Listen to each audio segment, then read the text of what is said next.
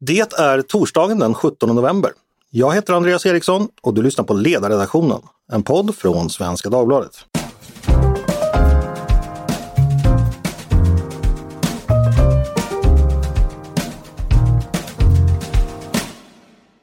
Varmt välkomna ska ni vara. I den här podden har vi som bekant ibland ägnat oss åt en mycket tillämpad form av folkbildning när det gäller statsvetenskap. När vi helt enkelt har gått på djupet när det gäller hur politiken går till i praktiken. Vi har exempelvis tidigare pratat med riksdagsledamöter och statssekreterare om vad de egentligen gör på jobbet och fått ganska intressanta svar. Det ska vi fortsätta med idag tänkte jag. Och nu är det dags för att titta lite närmare på varje politisk organisations verkliga ryggrad. De som är anställda för att hantera pressfrågor. Vad gör en pressekreterare egentligen på jobbet? Varför har ens partier och departement sådana? Vad behöver man kunna för att vara en bra pressekreterare? Och hur ser relationen mellan pressfolket hos eh, partierna och journalister ut? Allt detta ska vi försöka reda ut idag och med mig för att göra det har jag tre mycket erfarna praktiker på det här området. Nämligen Anna Simon Karlsson, Jonas Lannering och Per Gudmundsson.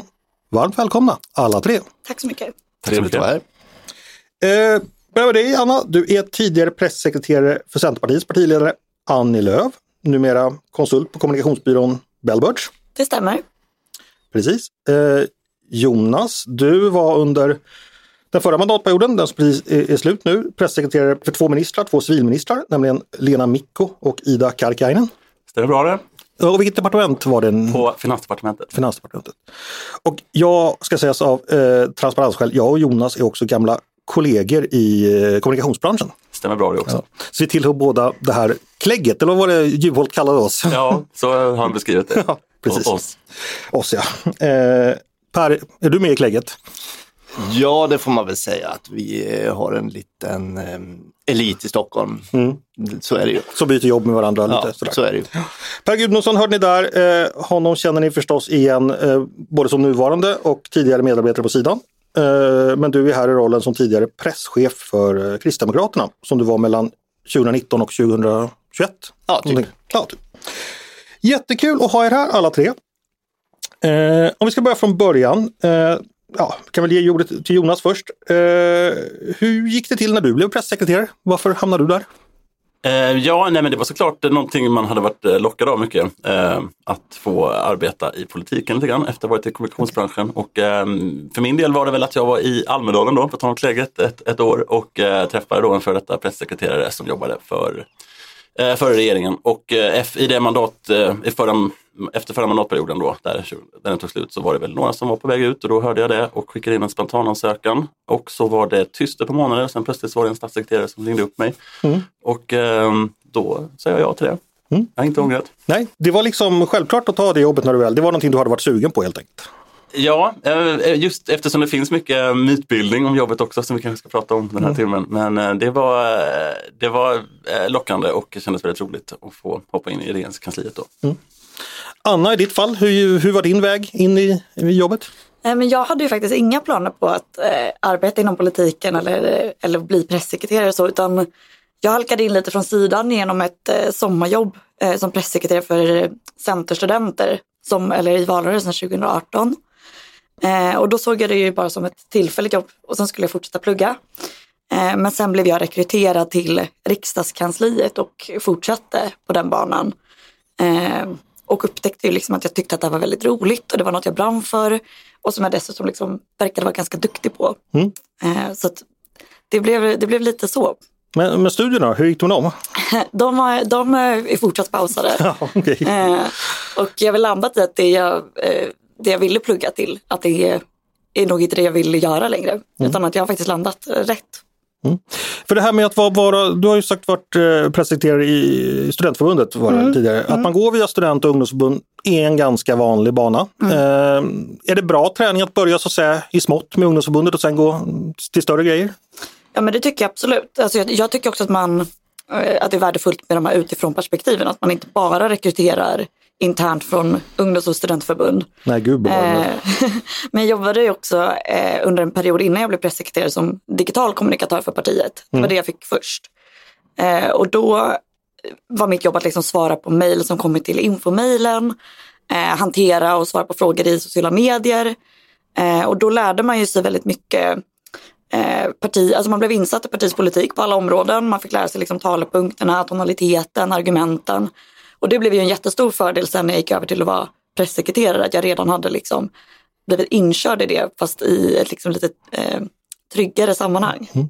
För du har ju gått rätt väg. Du har ju gått från politiken och sen blivit välbetald PR-konsult. Mm. Jonas gick ju andra hållet. Du var ju redan välbetald PR, eller kanske inte så välbetald, det vet jag inte. Men... Jag har gått ner i lön varje gång jag har bytt jobb. okay.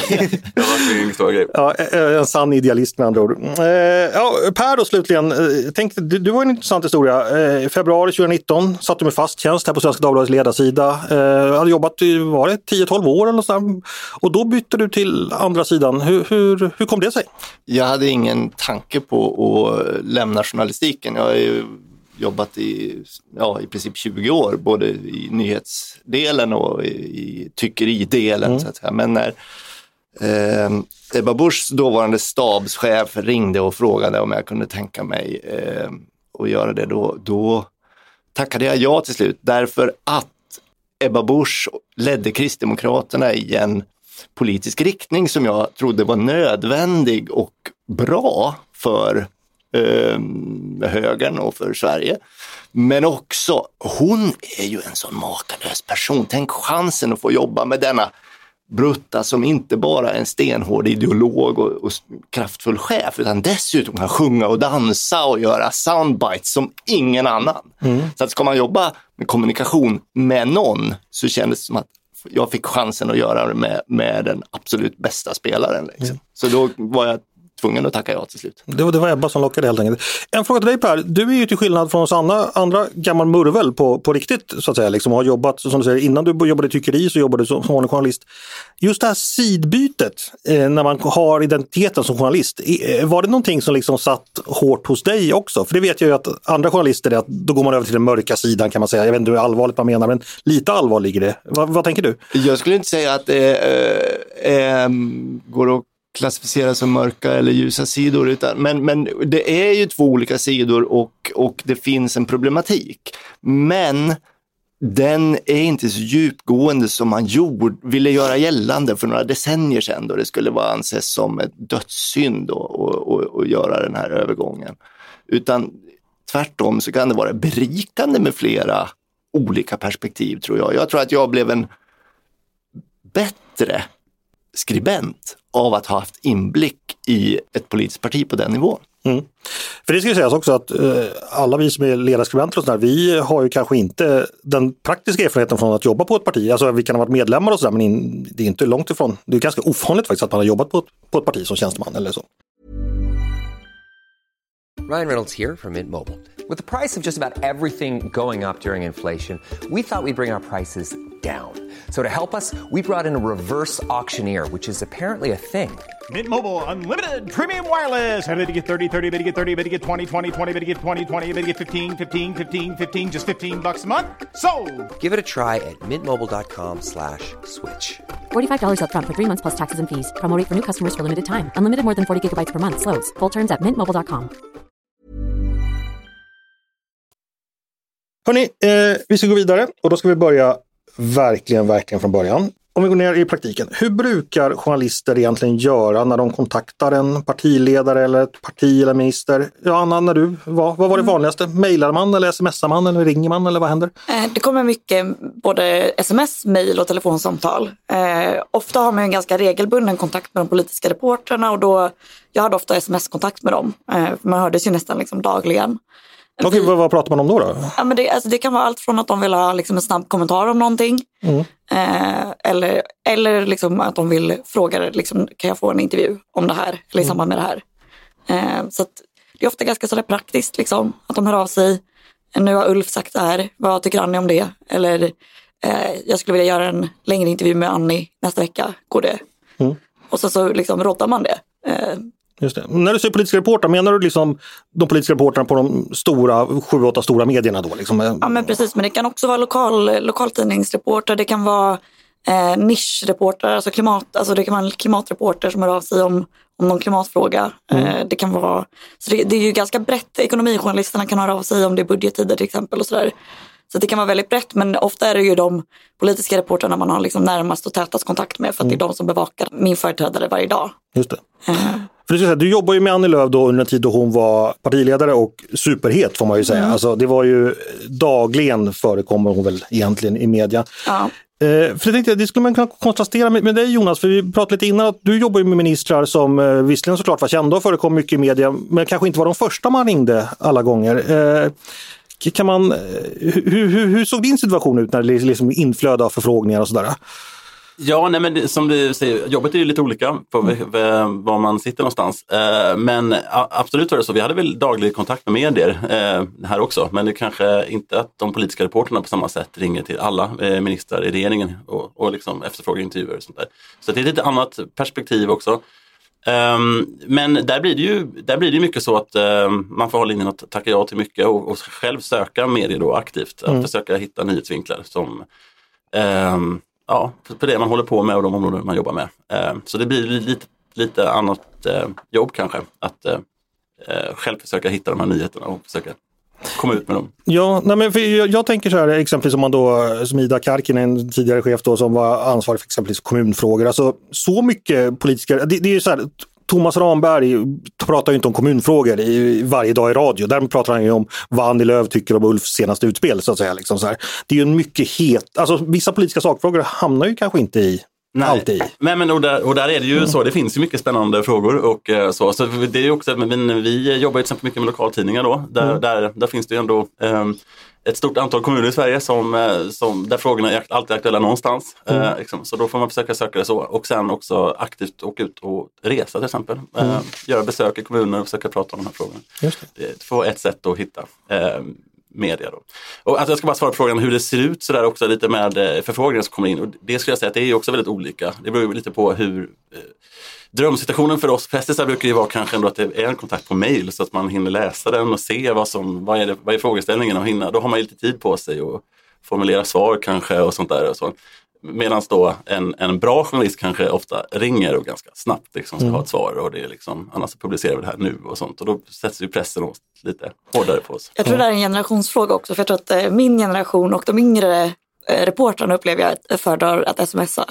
Eh, och de äldre föredrar att ringa. Ja, För jag är ju varken eh, ung eller eh, bra eller ens journalist. Men när jag jobbar för att liksom dra in folk till den här podden, jag smsar ju eh, det första jag gör. Och får jag inte svar inom en halvtimme så ringer jag och undrar vad, vad håller ni på med? Liksom, så här. För, men det är ofta för att jag har en podd som ska göras samma dag så då är det väldigt tajta. Per, du då? Hur, eh, Kristdemokraterna, du var ju presschef förresten. Var det någon skillnad från att vara vanlig pressekreterare? Var det så att du styrde upp andras jobb eller hur, hur fungerar, Ja, vilken roll hade jag, du? Jag tror generellt så eh, pratar vi om ganska små organisationer när vi pratar om pressavdelningar eller kommunikationsavdelningar. Så att det är egentligen ingen vardaglig handgriplig skillnad i hantverket så att säga mellan att vara presschef eller sekreterare eller ens assistent. Alla måste hoppa in och göra allt, annars kommer tiden inte att räcka till och resurserna. Men om man ska säga att presschefen har ett annat perspektiv också då så är det ju det att, att, att försöka planera kommunikationen eh, utifrån partiets perspektiv. Då. Jobbet tenderar att bli en serie brandkårsutryckningar. Det händer hela tiden att saker och man får förfrågningar hela tiden. Men partiet har ju en annan idé också än att bara vara eh, Pressavdelningen har en annan funktion än att bara vara en sluss in för förfrågningar. Man är ju också en sluss ut för partiets budskap. Det finns ju en tudelning här. Eh, optimalt så blir bägge parter nöjda, både journalisterna och politikerna blir nöjda. Då har pressen gjort ett bra jobb så att säga. Men, men eh, det svåra är då att försöka planera partiets kommunikation ut eh, så att det också kan nå fram. Man kan ju säga att, att eh, nyhetsåret går att, ja, det, man planerar kanske ett halvår i taget. Det går att planera väldigt mycket, mycket förutsägbart från riksdagens öppnande till julledigheten. För man vet vad som kommer att hända i enskilda veckor, vilka dagar det är deb- debatter i kammaren eller i Agenda, vilka dagar som de andra partierna har sina kongresser. Och Har man ett. Excel-dokument med det som man har koll på? Ja, i, i bästa fall så hinner du bygga upp en, en solid planering där allting händer. Så att säga. Det är det du kan förutspå. Och så sen kan du bryta ner varje enskild händelse i, i eh, en, en nyhetshändelse. Låt säga att du, att du ska framträda i kammaren i en partiledardebatt. Va? Då, då, då är det ju eh, ett nyhetsflöde där det, det är inför nyheten, under själva debatten och efter själva debatten. Det är egentligen tre olika arenor som du ska bemästra. Du kanske vill ha ut en debattartikel innan eh, partiledardebatten. Du kanske vill säga saker under partiledardebatten genom att smita ut i kammaren och ta intervjuer. Eller du kanske vill kontrollera budskapet efteråt, så att säga, genom att, att angripa nej, eh, den där politikern sa en dumhet. Och det där går att planera i förväg. Så att säga. Och allt detta, i den bästa av världar så har man då en planering som man kan följa. Och detta gör också att när du har fastlagt schemat för säsongen, då kan du också planera du ser det finns gluggar här. Vissa gluggar är ofrånkomliga, det är älgjakt, alla dina partigängare vill ut i skogen och du kan inte göra något. Men andra gluggar, kan, du försöka, andra gluggar kan du försöka fylla med här skulle det passa med ett utspel. Vi kanske ska åka till Trollhättan och eh, träffa lokalmedia där. Eller så. Presschefen har väl den funktionen då att försöka få en struktur över verksamhetsåret. Ja, men ett strategiskt perspektiv. Jag Jag skulle vilja, så är det ju lite också i, i regeringskansliet också att politiska staberna är inte så stora heller. Där heller och vissa- av oss är vi kanske fyra stycken. Då, sådär. och då är det också då, har man heller, då är det också det konstant dåliga samvetet att när man som pressis har släckt en brand under dagen, kanske gjort något annat och så ska man sitta och skriva ett Facebook-inlägg och ett Instagram-inlägg och göra en video kanske och så ska man också hinna med att göra den här planeringen då för nästa vecka och sånt som alltid kanske tappas lite grann. Och där man alltid känner sig att det där borde man ju ha. Man vill ha tid att sitta en hel dag med det. Liksom. Balansen mellan det proaktiva och det reaktiva är ju väldigt, eh, ja, det är en svår balansgång. Där det ofta kanske, man känner ju ofta att man har dåligt samvete för att det blivit för mycket reaktivt Ja. än, eh, än tvärtom. Urgent vinner över important som så ofta. En fråga jag har, eh, hur värderar man och prioriterar mellan alla olika medier? Är det alltid så enkelt att störst går först? Eller hur, hur tänker man där? Vad, vad säger du Jonas? Alltså jag skulle nog svara i regel ja, men inte alltid såklart. Eh, men det är klart att det är klart att om det är en, eh, man, vi försökte ju svara på allt såklart och så, så proffsigt vi kunde, eh, behandla alla likadant. Men det är i praktiken lite så att man svettas kanske lite mer när, när Svenskan eller DN eller Ekot jagar den än om det skulle vara en lokaltidning. Då. Vad säger du Per? Går störst alltid först eller gör man andra prioriteringar? I, generellt så försöker man ju gå alla till mötes. Ja, det finns ju en galen pannegräns någonstans. Liksom, eh, öppet våldsbejakande organisationer som utger sig för att vara tidningar eller, eller, eller, eh, eller galningar som hör av sig. Och då, då, de kan man välja att ignorera kanske eh, av säkerhetsskäl. Inte. Men, men, men man försöker gå alla till mötes. Men ska man prioritera då beror det väl på vad man tror är bäst att prioritera för stunden. Det finns ju faktiskt olika val att göra här. Om det är så att partiet har ett budskap som är angeläget att nå en viss målgrupp, då kan ju en mindre men nischad eh, journalist så att säga vara mer intressant än en tyngre och bred. Det beror ju på, men ofta har man inte möjligheten att välja. Det, det, verkligheten tränger sig på en. Man är också när det är, alltså när alla medier, man försöker ju såklart liksom svara på allt. Men det kanske inte alltid är partiledaren som kan göra det utan man kan också liksom eh, delegera vidare till en talesperson. Jag upplevde att det framförallt är när man är på pressträffar kanske eller i stora klungor med journalister som man verkligen behöver vara väldigt tydlig med en ordning.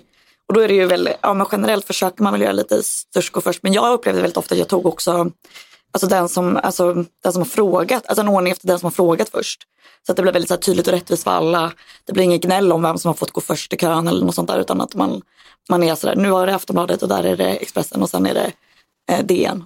Det är också en fråga om, om produktionsförhållanden rent journalistiskt. Eh, Just i en Live sån här, går ju först också. Ja, eh, stora etermedier som måste gå ut i livesändningar måste, bör av rent praktiska skäl ha företräde så att säga vid en doorstep. Eh, eh, så att, sådana saker spelar roll. En, en bra pressekreterare ska ju kunna både vad partiet behöver och hur ett parti fungerar. Men behöver ju också kunna, hur fungerar det dagliga arbetet i en nyhetsredaktion? Vad, eh, hur börjar och slutar dagen? När är det lämning? När, när ska den där redaktören ha sin nyhet för att det ska kunna komma med i sändning? Liksom? Och när ska man släppa nyheter som inte ska få stor ja, uppmärksamhet? om man nu släpper, men, men även, även på, på frågor från journalister så gäller det att ha en respekt för deras arbetsförhållanden. Annars kommer arbetet inte att funka och alla kommer att bli missnöjda. Både oftast- partiet och journalisten förlorar på det. Och ofta tycker jag att journalisterna är ganska duktiga på att säga till själva. Alltså att de kommer fram och säger jag måste ha det här inom en minut, kan jag få gå först? Eller liksom, eh, Eller någon som, eh, ibland säger de ju till och med också så här, jag kan vänta, jag behöver inte vara först. I, ja, I regeringskansliet har vi också en, en, en regel på pressträffarna där. Alltså att um, de som är på plats då fysiskt. Vi hade, under pandemin brukar vi köra ganska mycket eh, webbsända. Eh, Man kunde vara med på länk också. Så där. så där skulle det kunna vara så att om, även om en liten nischad facktidning är faktiskt har tagit sig på plats och deltagit på vår pressbriefing om ett ämne så, så får de också ställa frågor före större medier som är med på länk. Som en liksom, morot att få dem att komma dit. Eh, kanske naivt, men jag får för mig att det ändå finns liksom en informell ordning mellan medierna. Jag tycker när man ser webb eller när man ser utsändningar från, från pressträffar och så, där, så är det ju oftast lite ja, alfahannar från vissa medier som ofta ställer frågorna först i praktiken. Liksom, och det verkar sortera sig ganska själv mellan medierna. Eh, Ja, du nickar Anna. Ja, nej, men det tycker jag absolut. Ja, det är några som vet att de går före kanske av egenskap av vilka de är.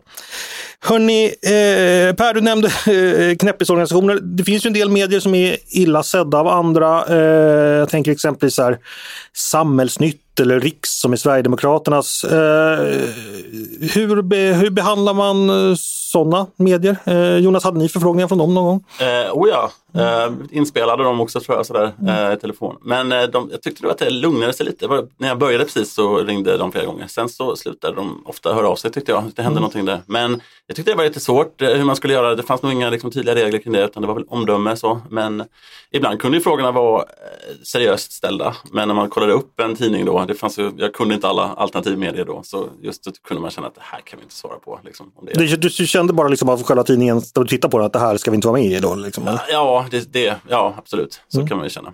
Och, eh, och det var oftast inget, snart, det var inget det var, eh, om man inte svarade på det så var det inget som hände heller tyckte jag. Att, Per, hur resonerar du kring det? Ja, det finns ju både från höger och från vänster kan man väl säga, eh, de här alternativa publikationerna. Och, och ibland är ju de ute bara efter att skada snarare än att söka information. Alltså om, om det är en ärlig förfrågan om, om ett visst sakförhållande som behöver redas ut så, så vill man ju svara på det. Eh, Men ibland så är ju publikationens syfte bara att skada. Och, och där är det nog bäst bara att ignorera skulle jag säga. Eh, Men, men sen då finns det ju extremt kritiskt. Dagens ETC hatade ju av någon anledning eh, Kristdemokraterna eh, och, och, och ställer ofta frågor om, om saker och då försöker man ju svara dem. Men kanske på ett sätt som inte uppmuntrar till nya publiceringar. Eh, kanske man svarar i ett mejl i, i några meningar bara. eh, På låg nivå.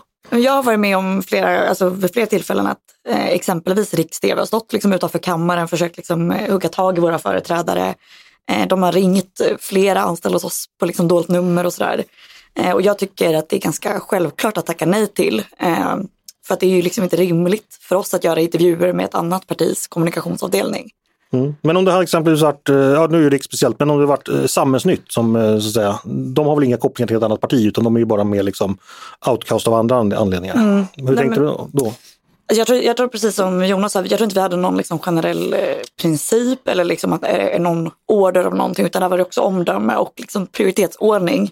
Eh, vi tackar ju också nej ibland till liksom väldigt små publikationer, väldigt liksom, eh, små lokaltidningar kanske inte kan få en intervju med Annie Lööf direkt liksom, eh, när och var och hur de vill. Och då, så att det faller väl snarare under liksom den kategorin av eh, inte högsta prio. Mm.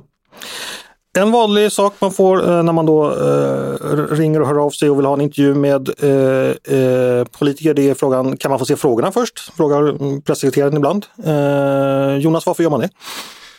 Ja, det är alltid skönt att se dem. Nej, men om jag ska vara ärlig så, alltså så här, att, ehm, även om man jo- jo- jobbar för, eller man gör en intervju med en, en stor tidning så brukar vi ju kanske inte fråga om specifika frågor, men fråga om frågeområden tycker jag är ganska rimligt. För det vill man ju bedöma om det, vad är det för intervju vi ska ta. Liksom, så. Och, och i praktiken så vill man ju ha det för man vill kunna sammanställa lite underlag. Det är ofta ganska kluriga frågor om liksom, lagstiftning eller status på en utredning eller sånt där som, som eh, ministrarna kanske inte alltid har 100% i huvudet. Så det är klart man vill fråga lite, vad är, det, vad är det för frågor ni vill ta upp? Och då brukar det räcka för oss att det är ett par områden som man vill liksom fråga om. Snarare än att vi ska få, kräver att få exakta frågeställningar i förväg.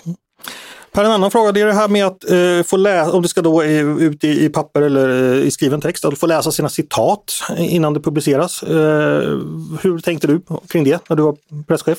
Det vill man göra eh, och man vill ha reda på frågeområden i förväg. Och det här är ju då inte bara så att mm, partiet eller organisationen är mån om att bli korrekt citerad. Eller sånt, utan jag tror det här gynnar även journalisterna att, att, att få så väl förberedda eh, intervjupersoner som möjligt helt enkelt eftersom det är komplexa frågeområden. Och, och, och, och på samma sätt så gynnas journalisterna av att, att intervjupersonerna sen också erkänner att ja, det var så där jag sa.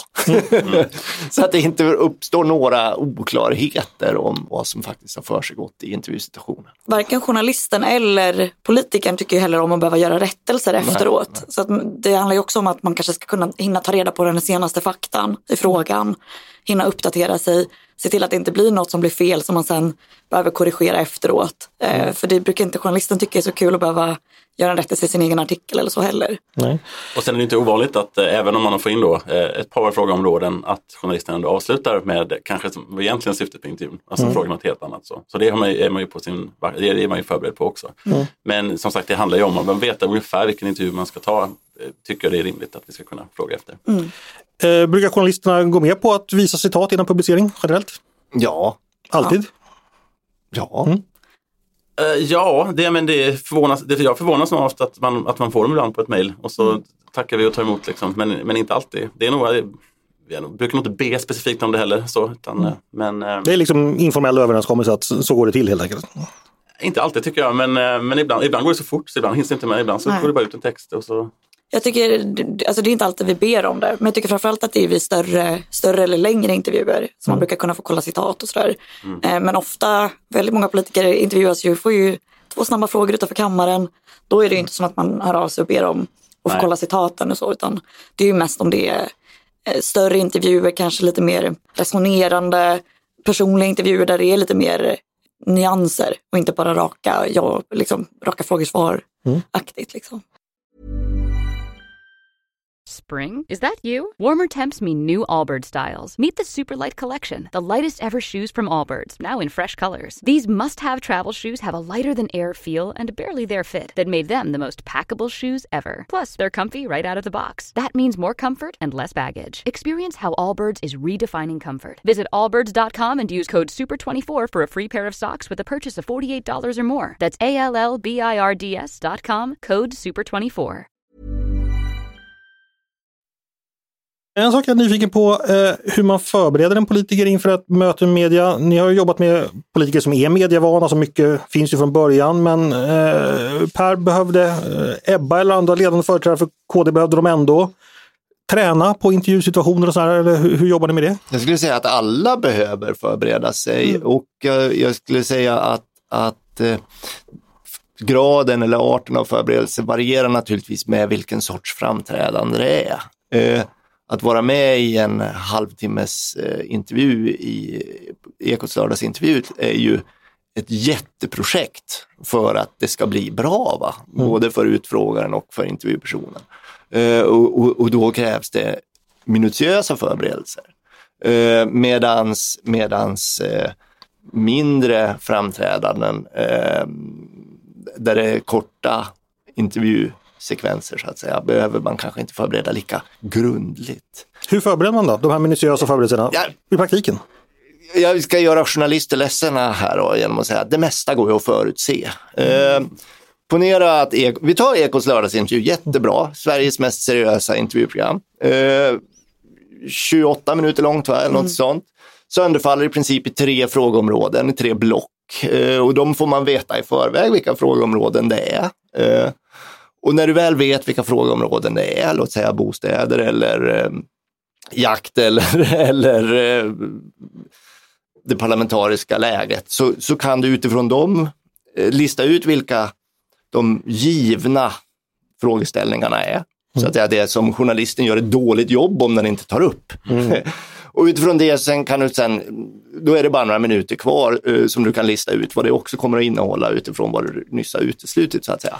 Eh, och och då, då går det inte att förbereda exakta talepunkter, men du kan få, det lönar sig inte att memorera exakta ordföljder. Så att säga. Däremot kan du förbereda resonemang och du kan förbereda fakta som du behöver ha med dig för att kunna besvara de här bostadsfrågorna om hur många lägenheter har byggts i Karlstad. För det har ingen jävel eh, en aning om naturligtvis.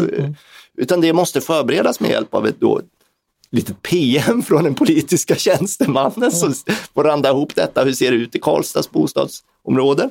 Och så sen knådas detta om till någon form av resonemang eller som, som är eh, ligger naturligt för den som ska göra intervjun eh, att säga, men också eh, är vad journalisten frågar efter. Mm. Så att det går att förbereda väldigt mycket skulle jag säga. Jonas, känner du igen det här som Per beskriver, hur man förbereder? Eh, ja, men jag, eh, jag har ju mest jobbat för ministrar då i regeringskansliet och där är det ju det är ju både en lyx då eh, och ibland jobbigt att man har tillgång till alla de här tjänstemännen, och fantastiskt duktiga tjänstemän och experterna på sitt område. Så att vi försöker ju alltid då begära in ett faktaunderlag där också, få talepunkter från enheterna som kan detta. Och jobbet som en pressekreterare handlar ju väldigt mycket om att, eh, att ta de här orden eh, och försöka liksom göra om dem till svenska då, för de är ofta eh, väldigt styltiga. Vad som kan sägas, vad kan regeringen säga i den här frågan? Ehm, så det är ju, det är ju nästan det stora delen av jobbet nästan sådär. Att sitta där och försöka mejsla fram så att tjänstemännen känner att det här kan sägas och att företrädaren säger att ja, men det här, så här kan jag uttrycka det. Sen innehåller ju, i och med att det är så mycket som idag är, vad ska man säga, etermedier eller bildsatt, så innehåller det inte bara budskap i skriftlig form, utan det är jättemycket som en bra pressekreterare ska hålla reda på för att eh, fokus ska hamna rätt, eh, även på grund av utseendet. Alltså, står man eller sitter man i intervjusituationen i tv-studion, en tjej som sitter i alldeles för kort kjol eh, till exempel i en soffa, det ser inte bra ut kanske, då kommer bara, alla bara prata om att hon är utmanande klädd eller och inte lyssna på sådana gubbiga saker måste man också ha i perspektiv. Eller, eller vad är det för färgsättning i studion? Kan också vara relevant. Kan du ha verkligen gula kläder om det ska vara eh, den och den bakgrunden? Eh, hur, vad är, vad, ja, var tar vi porträttbilderna efter intervjun? Eh, vad, är, vad ska vi ha för bakgrund? Vad, vad finns det för miljö som en fotograf kan vara intresserad av och tycka att bilden är rolig att ta? Och jättemycket runt omkring helt enkelt som pressen bör ha koll på för att känna trygghet. För att intervjupersonen ska känna trygghet i intervjusituationen så behöver man ha koll på det där. Och sen hur mycket man faktiskt, eh, man- hela det här underlagsarbetet är ju en väldigt stor del av det, hela den att ta reda på all praktisk information, eh, lotsa liksom sin företrädare rätt, eh, är ju en jättestor del av det, men också den här själva preppen man har precis innan eller eh, när man sitter ner muntligt och pratar igenom det. Det tycker jag skiljer sig jättemycket åt beroende på vilken företrädare det är och hur mycket erfarenhet de har. Eh, jag tror vi som har jobbat med partiledare är väl, eh, har väl jobbat med några av de mest rutinerade som kanske inte på samma sätt behöver eh, liksom, eh, inte behöver samma typ av prepp inför en partiledardebatt som en helt ny partiledare som inte har gjort det tidigare och sådär. Eh, men man har ju ofta någon form av liksom muntlig avstämning precis innan. Ja, men jag tänker så här, exempelvis Annie Lööf, när man ser på henne, hon har ju varit politiker sedan hon ja, väldigt ung. Hon framstår alltid det som otroligt självsäker och naturlig. Och så själv. Men hon behöver, ä- ä- även en sån som vi, vad vi ser, det, det behöver ändå förberedas. Alltså, ja, verkligen. Hon, hon, eh, hon är ju väldigt noggrann. Hon vill vara väldigt påläst innan hon går in i en intervju. Så att hon vill ju ha jättemycket underlag. Alltså, verkligen. Jag skulle säga också att eh, sitter man i regeringsställning också till exempel, att det är ju det är ju van, vanligast är det också så att de, de frågeställningar man får av eh, någon som sitter och gör en granskning, det är ju, det är ju, det är ju de som vi har svårast att svara på. Det är ju därför ett samhällsproblem uppstår så att säga. Eh, och då sitter vi där och, och måste liksom hitta ett bra svar ofta. Om en teknisk fråga eller om en lagstiftning som kanske inte fungerar som den ska och sånt där. Eh, Då måste man ju ganska snabbt begära in underlag och, och liksom bearbeta det så att vi har bra svar på det. Nu eh, Jesper ska jag visa ett klipp för våra, eh, Jesper vår producent alltså, eh, för våra panelister och jag tror att det blir bäst att jag visar det för dem och sen får du lägga in det här ljudet sen. Bor du kvar i den här lägenheten i Ersta diakoni? Hur känns det att bo i en lägenhet som var vikt för svårt sjuka hemlösa? Nej, nu pratar de om helt fel saker. Jag tänker den här frågan är domstolsprövad så det här tänker jag inte kommentera mer. Varför det? Alltså, om du vill prata om mina helt privata förutsättningar då får du faktiskt höra av dig till mig och om det. Men vad är problemet? Nej, men den diskussionen tar vi. Men var, alltså, det är väl en relevant fråga? Du är socialborgarråd, det är väl inget konstigt? Det här är en fråga som till och med gått, har till och med varit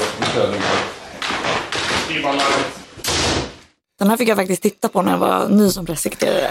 Som en sån här worst case scenario, där ska man inte... Jag ska bara förklara då, för att vi har ju inte bild här då, men vad det här ljudet ni hörde det var då en inspelning som Sveriges Television gjorde med eh, ja, statsministern på den tiden han var, var socialborgarråd i, i Stockholm. Och han får en fråga om ett, ett ämne som rör hans eh, Ja, vad är det om att han har tagit, eh, har, har, bor i en lägenhet som han inte ska... ja, Jag, jag minns inte turerna. Det intressanta är liksom vad som händer här är att eh, han gillar inte frågan, han vill inte besvara den och det kommer in en kille och helt enkelt drar iväg politikern ut ur rummet och de stänger dörren och där står eh, journalisten kvar helt enkelt med sin mikrofon. Intervjun är helt enkelt avslutad.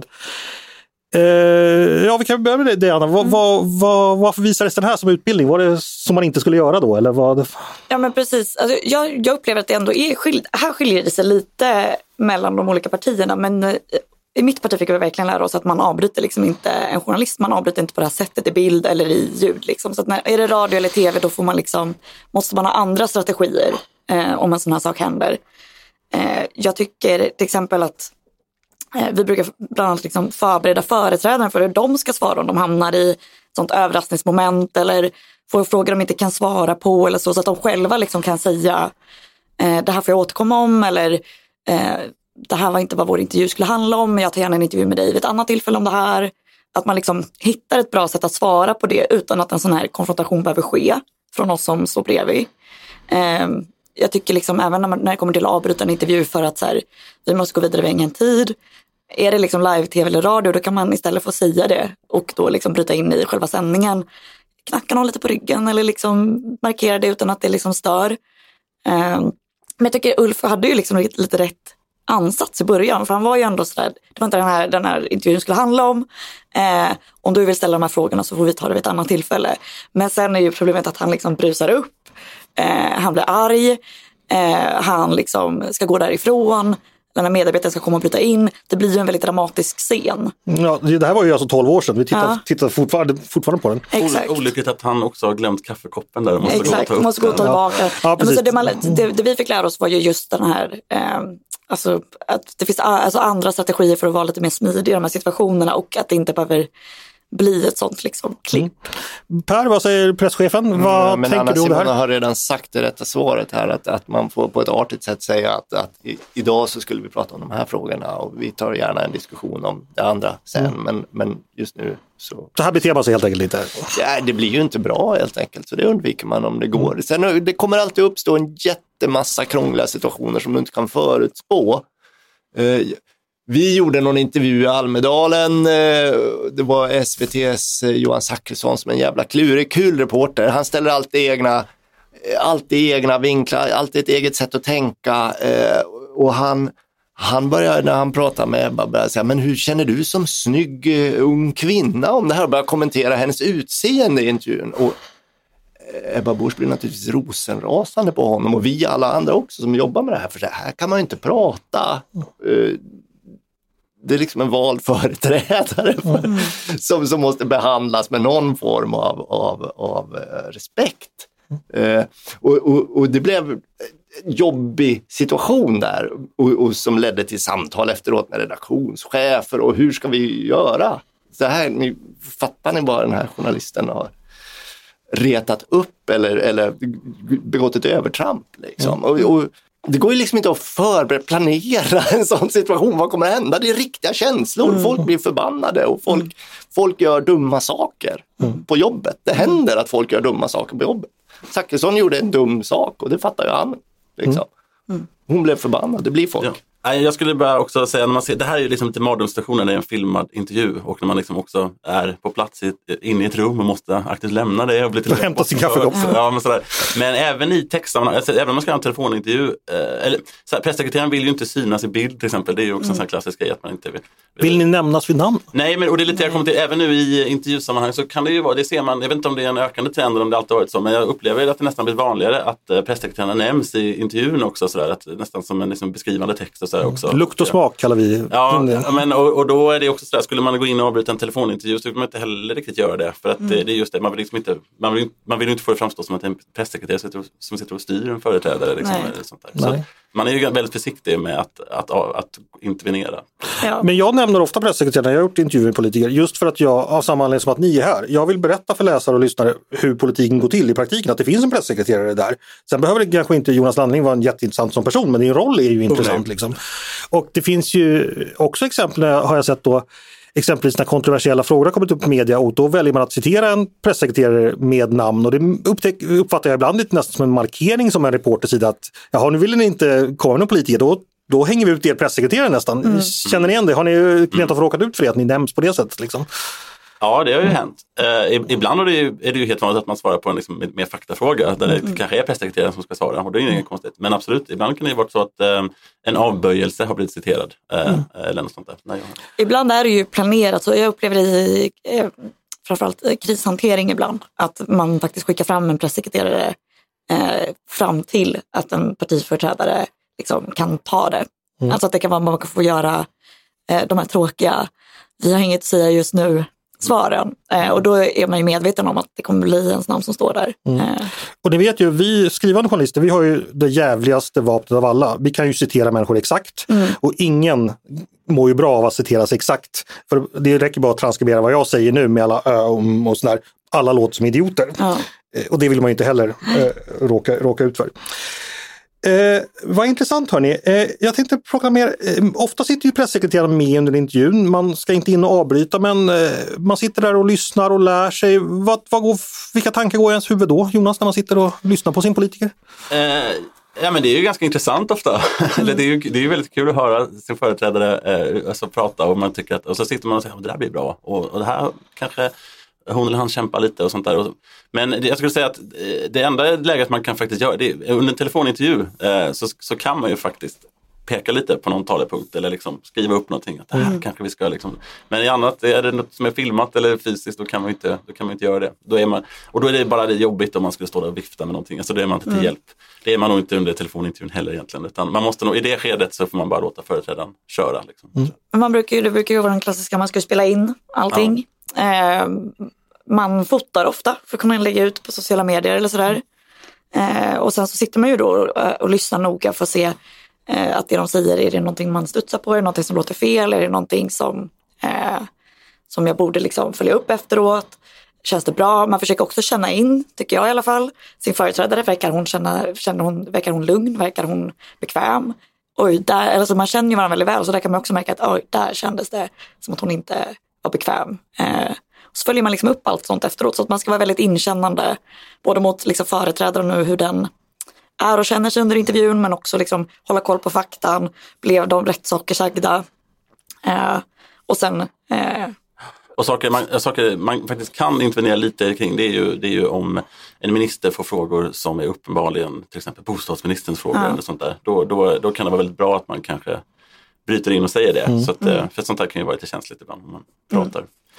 Men följer upp efteråt här, kan jag betyda att man gör det i själva intervjusituationen? Mot slutet så säger man, jo ni pratade om det här tidigare, eh, men eh, då glömde ni att poängtera just den här frågan. Eh, och, och, ofta i samtal efteråt med journalisten kan man säga, fick du allt eh, du hade ställt eller ville fråga om? Och, för vi tänkte på det här, eh, att den här biten inte kom fram. Och så, eftersom bägge parter är intresserade av att det blir bra så går det att ha ett rimligt och, och, och, och vad ska man säga, respektfullt samtal om, om, om vad som har skett i intervjusituationen så att säga. Eh, Och så, och så går det att reda ut alla, eller inte alla, men små farthinder som har uppstått på vägen så att säga. Verkligen. Och säger företrädaren också under intervjun att eh, den här liksom, siffran har jag inte koll på eller det här har jag inte koll på, jag behöver, vi får återkomma. Då är det ju också pressekreterarens uppgift att ta reda på de sakerna och återkomma till journalisten efteråt med de kompletterade uppgifterna. För det är jag nyfiken på, det här med att återkomma till journalister. Eh, per, har du gjort så att du har liksom hört av dig till journalister efteråt och gett feedback? Sagt att det här blev inte bra eller klagat på dem eller något sånt? Nej, däremot har jag frågat journalister, vad kan vi göra bättre? Eh, till exempel vid större, nej, men vid större evenemang och sånt. Det är ju en jättegrej att göra en partistämma till exempel med, med tiotals journalister på plats eh, som ska inkvarteras. Och, och, har de tillgång till information? Det är jättekomplexa beslutsgångar som måste förklaras på ett pedagogiskt sätt och så vidare. Det, då finns det ju mycket utvecklingspotential och då måste man fråga Vad gör vi bra, vad gör vi dåligt? Men, men, men det skulle aldrig falla mig in och, och klaga på en journalists eh, Alltså faktafel anmärker man ju. Eh, eh, vi sa inte sådär. Eller, eller det där stämmer ju inte. Det, det anmärker man. Men att klaga på hantverket, och det, nej. Men Absolut. klaga på en rubrik, rubriksättning har nog ändå skett någon gång sådär. Så att man tycker Ja, att det här, det här jag har varit med om att klaga på varenda jävla kommatecken. Ja. Men, men, men då är det ju för att det är fel. Inte, inte för att det är mm, in- inte tillräckligt Och- smickrande. Eh, på sociala medier, uh, tjötar man och tjafsar med journalister där eller hur tänker ni kring det? Eller finns det regler kring det? Vad säger du Jonas? Eh, jag tror inte det finns några regler utan det är ju lite olika. Vissa pressisar är ju ganska aktiva och ehm, jag, eh, det var ju inte jag direkt eh, utan jag tyckte att det var ehm, det är just, det, det, man måste ju ha man, eh, man måste ju veta vad man gör för man kan ju skapa, man kan ju skapa väldigt mycket rubriker på det sättet också. Och, eh, eh, så, så att, eh, det är olika, det finns inga direkta regler kring det. Utan vissa backar upp sina företrädare eller budskap eller partiets budskap och vissa gör det inte. Jag skulle ändå säga att man inte tjafsar med journalister eller, eller så, utan det är ju väldigt viktigt. Man har ju så, så pass regelbunden kontakt med varandra, man är så pass beroende av varandra att det samarbetet liksom funkar och att det finns ett ömsesidigt förtroende. Att man, man behandlar ofta varandra väldigt professionellt. Eh, och ofta är det, är det missförstånd som uppstått eller är det felaktigheter så är det ofta i sak man diskuterar det. Liksom. Eh, och vi, även när det då blir fel, även om man inte då lyckas komma överens om vad som är rätt eller inte så tycker jag att man ganska ofta eh, släpper det, liksom går vidare, försöker upprätthålla eller värdera den här relationen väldigt högt. Eh, relationer med journalister generellt sett. Eh, Anna, du nämnde tidigare att ni, man har gått så gott som daglig kontakt, man träffas ofta. Eh, hur mycket kompis blir man? Eh, kan det uppstå privata eh, eller personliga relationer också? Nej, det skulle jag inte säga. Jag skulle säga att det är väldigt professionellt, men, men, liksom, men trevligt, men professionellt. Eh, Så man festar inte ihop? Nej, man festar inte ihop. Eh, sen är det klart att så här, för journalisternas sida så är det ju också, de, de söker ju alltid efter liksom, ska man säga, källor. De är också intresserade av att ha en god, förtroendefull relation till folk som jobbar inom politiken. Eh, för att få de här bakgrundssamtalen, för att få den här, liksom, eh, kunna ställa de här extra frågorna som de inte fick han ställa på sin intervju och sådär. Att man liksom har ett bra samarbete. Men, eh, men nej, eh, och jag upplever framförallt att det är, är journalisterna som har väldigt stor integritet i det också, att de inte vill komma, hamna allt för nära och sådär. Vad säger du Per? Fin- Finns det risk för kladdighet här? Mm, Nej, eh, jag tror inte det finns någon risk för kladdighet. Man måste tänka på att journalistik är ju inte bara en, det finns inte bara en sorts journalistik. Det finns många olika arbetssätt och många olika personlighetstyper och så vidare. Och vissa journalister kanske får bättre jobb genom att umgås i klägget och, och, och, och vara ute och dricka drinkar med pressekreterare. Det kanske blir bättre journalistik av det. Eh, Pelle Wendel är väl det klassiska svenska exemplet. Eh, men, men i riksdagsjournalisterna, i den kretsen, så där är det ju präglat av professionalism och ett, och ett inte nedskrivet men ändå ett regelverk som är väldigt tydligt som alla förhåller sig till om hur man umgås med varandra och, och, och, och vad som är eh, rätt. Eh, Och, och i mitt, när jag jobbade i KD så upptäckte jag att de gånger det blev fnurror, då var det när andra redaktioner än de mm, normala politikredaktionerna eh, gjorde jobbet eller när det var semestertider och de ordinarie reportrarna var borta. För då kom det individer från journalistsidan som inte var införstådda med regelverket, som kunde göra en jättepuck på vad någon influencer hade sagt om, som uppenbarligen inte var sant. Liksom. Men det, blev en, det räcker för en nöjesredaktion att en influencer har sagt det. Och när det blandas med nyhetsredaktionens muskler sen, då blir det en jättestory om någonting som uppenbarligen var en lögn från början. Eh, men mm, där de här sfärerna har blandats på ett konstigt sätt. Men, men just i umgänget med journalisterna så tror jag att, att, att det är väldigt kamratligt och vänligt och, och liksom eh, glad stämning generellt. Eh, men, men jag skulle inte säga att det övergår i, i ren vänskap. Nej. Eh, Jonas, kommentar från dig också. Hur tänker du på den relationen? Ja, nej, det skulle jag inte. Jag jag har svårt att se. Det, är- det är klart att med journalister, för, vi har ju också journalister som vi pratar med oftare, för kanske mindre tidningar också, som, som man själv loopade in nyheter till och som ibland hörde av sig som man hade. Men att det skulle övergå till att de inte skulle skriva någonting som var nej, eller det har jag väldigt svårt att se. Liksom, utan Eh, men det är klart att man efter ett tag bygger en relation till motparten då, eller journalisterna. Så, så, um, så att man kan, eh, när intervjun är slut, småprata lite om andra saker också. Så Mm. det är inget konstigt med det. Mm. Men det är, det är ändå oskyldigt låter det som. Alltså det, det finns inte det här äh, risken för att lojaliteten förändras för att man har privata relationer. Och. Jag har väldigt svårt att en journalist inte, alltså, skulle släppa ett scoop liksom, för, att, eh, för att det skulle vara kompis med pressis. Det, det tror jag har jag svårt att se. Jag upplever att det är trevligt men det är inte lojalt om man säger så. Ja.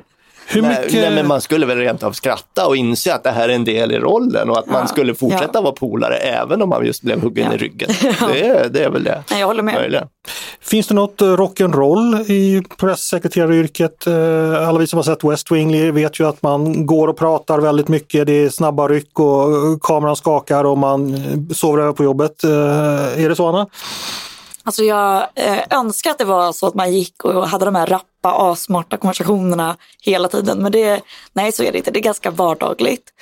Eh, det är en vanlig arbetsplats liksom. Men sen är man ju... Vem har inte satt in i diskmaskinen? Ja, nej men alltså, precis sådana saker. Vi står med på diskmaskinsschemat i, på kontoret och sådär. Och det är fika på torsdagar och, och allt sånt. Så precis som på en annan arbetsplats. Men sen är ju det väldigt speciella med att jobba i den absoluta toppolitiken och som pressekreterare är ju man får uppleva otroligt mycket saker. Man får vara med om historiska händelser. Man får resa runt i hela landet, man får träffa väldigt mycket olika människor. Jag har varit på allt från liksom, på Kungliga slottet till ambassader till eh, ICA-handlare och bondgårdar eh, och eh, liksom i gruvor. Eh, så att på det sättet är det ju en väldigt äventyrligt liv. Eh, men, men det är inte riktigt lika eh, jag skulle inte säga att det är lika så här, dramatiskt intrigigt som i West Wing eller House of Cards. eller Så det, det är en trevlig arbetsplats där det händer väldigt mycket skulle jag bara säga. Du träffar diplomater och kungligheter, bönder, gruvarbetare men det är aldrig någon rock'n'roll alltså. Jo, det- okej, det, det är ju verkligen rock'n'roll. Det är klart det finns eh, rock'n'roll-ögonblick. Eller, vad man ska säga. Men att, Ja, bjud- bjud- på ett då, Jonas. Nej, nej, jag ska inte säga. Men jag tror många av mina kollegor till exempel som kanske då har, eh, var för eh, tunga ministerplatser och sitter på, i regeringsplanet på väg till eh, Bryssel och ska möta internationell media. Liksom, så här, det, det är liksom någonting i det.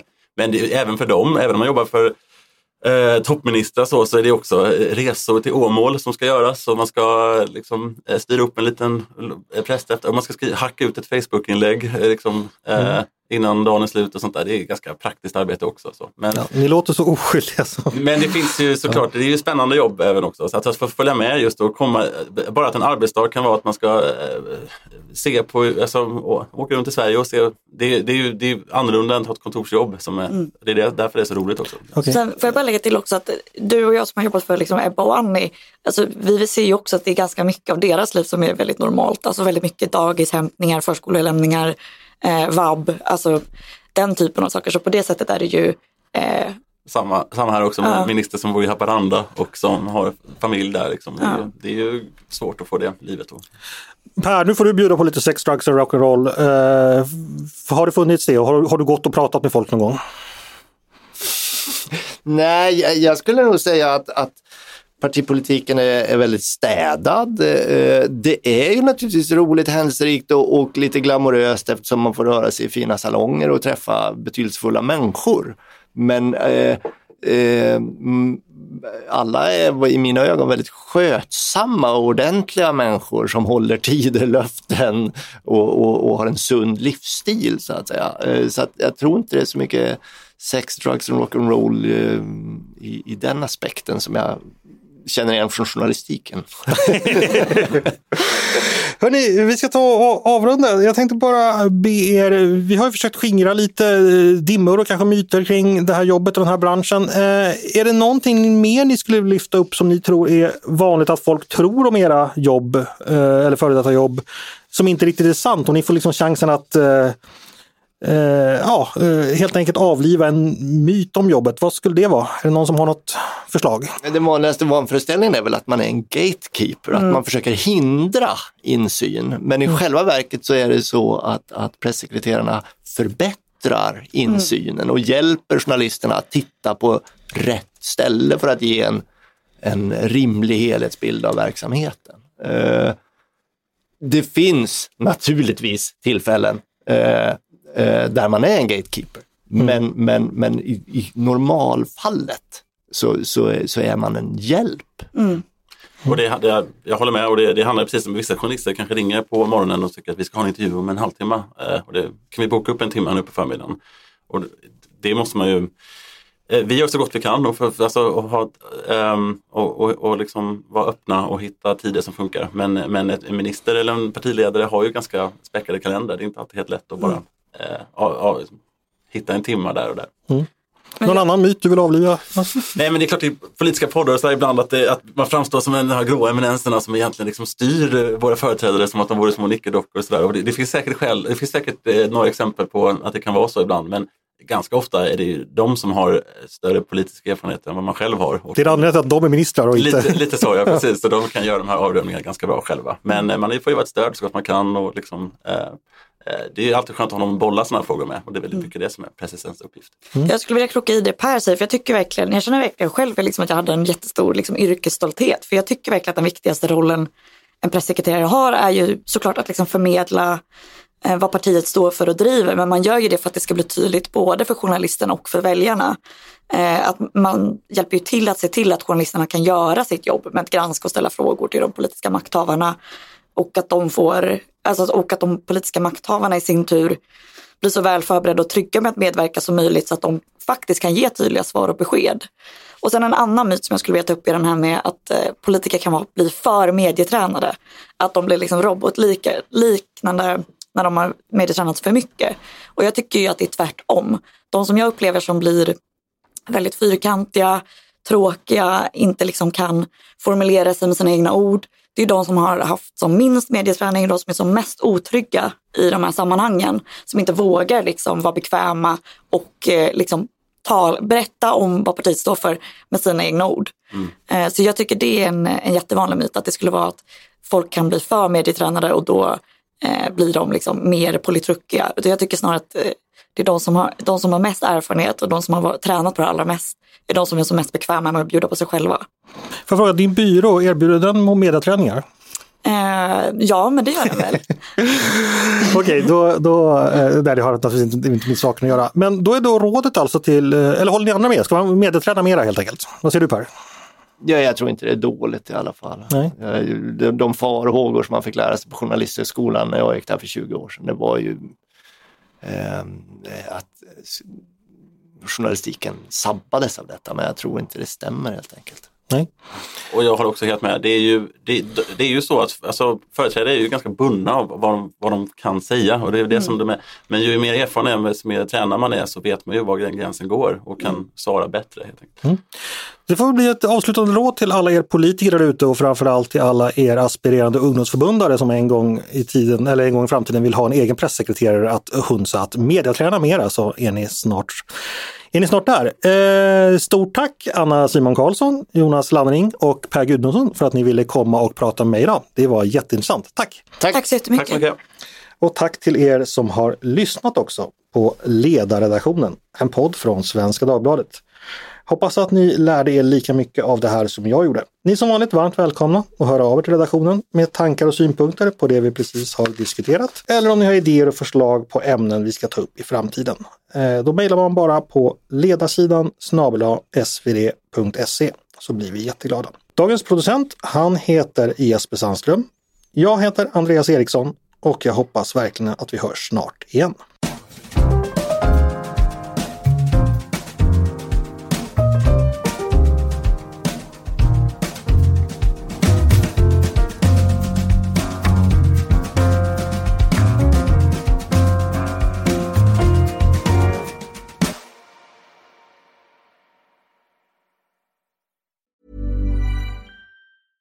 Spring. Is that you? Warmer temps mean new Allbirds styles. Meet the Superlight Collection, the lightest ever shoes from Allbirds, now in fresh colors. These must have travel shoes have a lighter than air feel and barely their fit that made them the most packable shoes ever. Plus, they're comfy right out of the box. That means more comfort and less baggage. Experience how Allbirds is redefining comfort. Visit allbirds.com and use code SUPER24 for a free pair of socks with a purchase of $48 or more. That's A L L B I R D S.com, code SUPER24.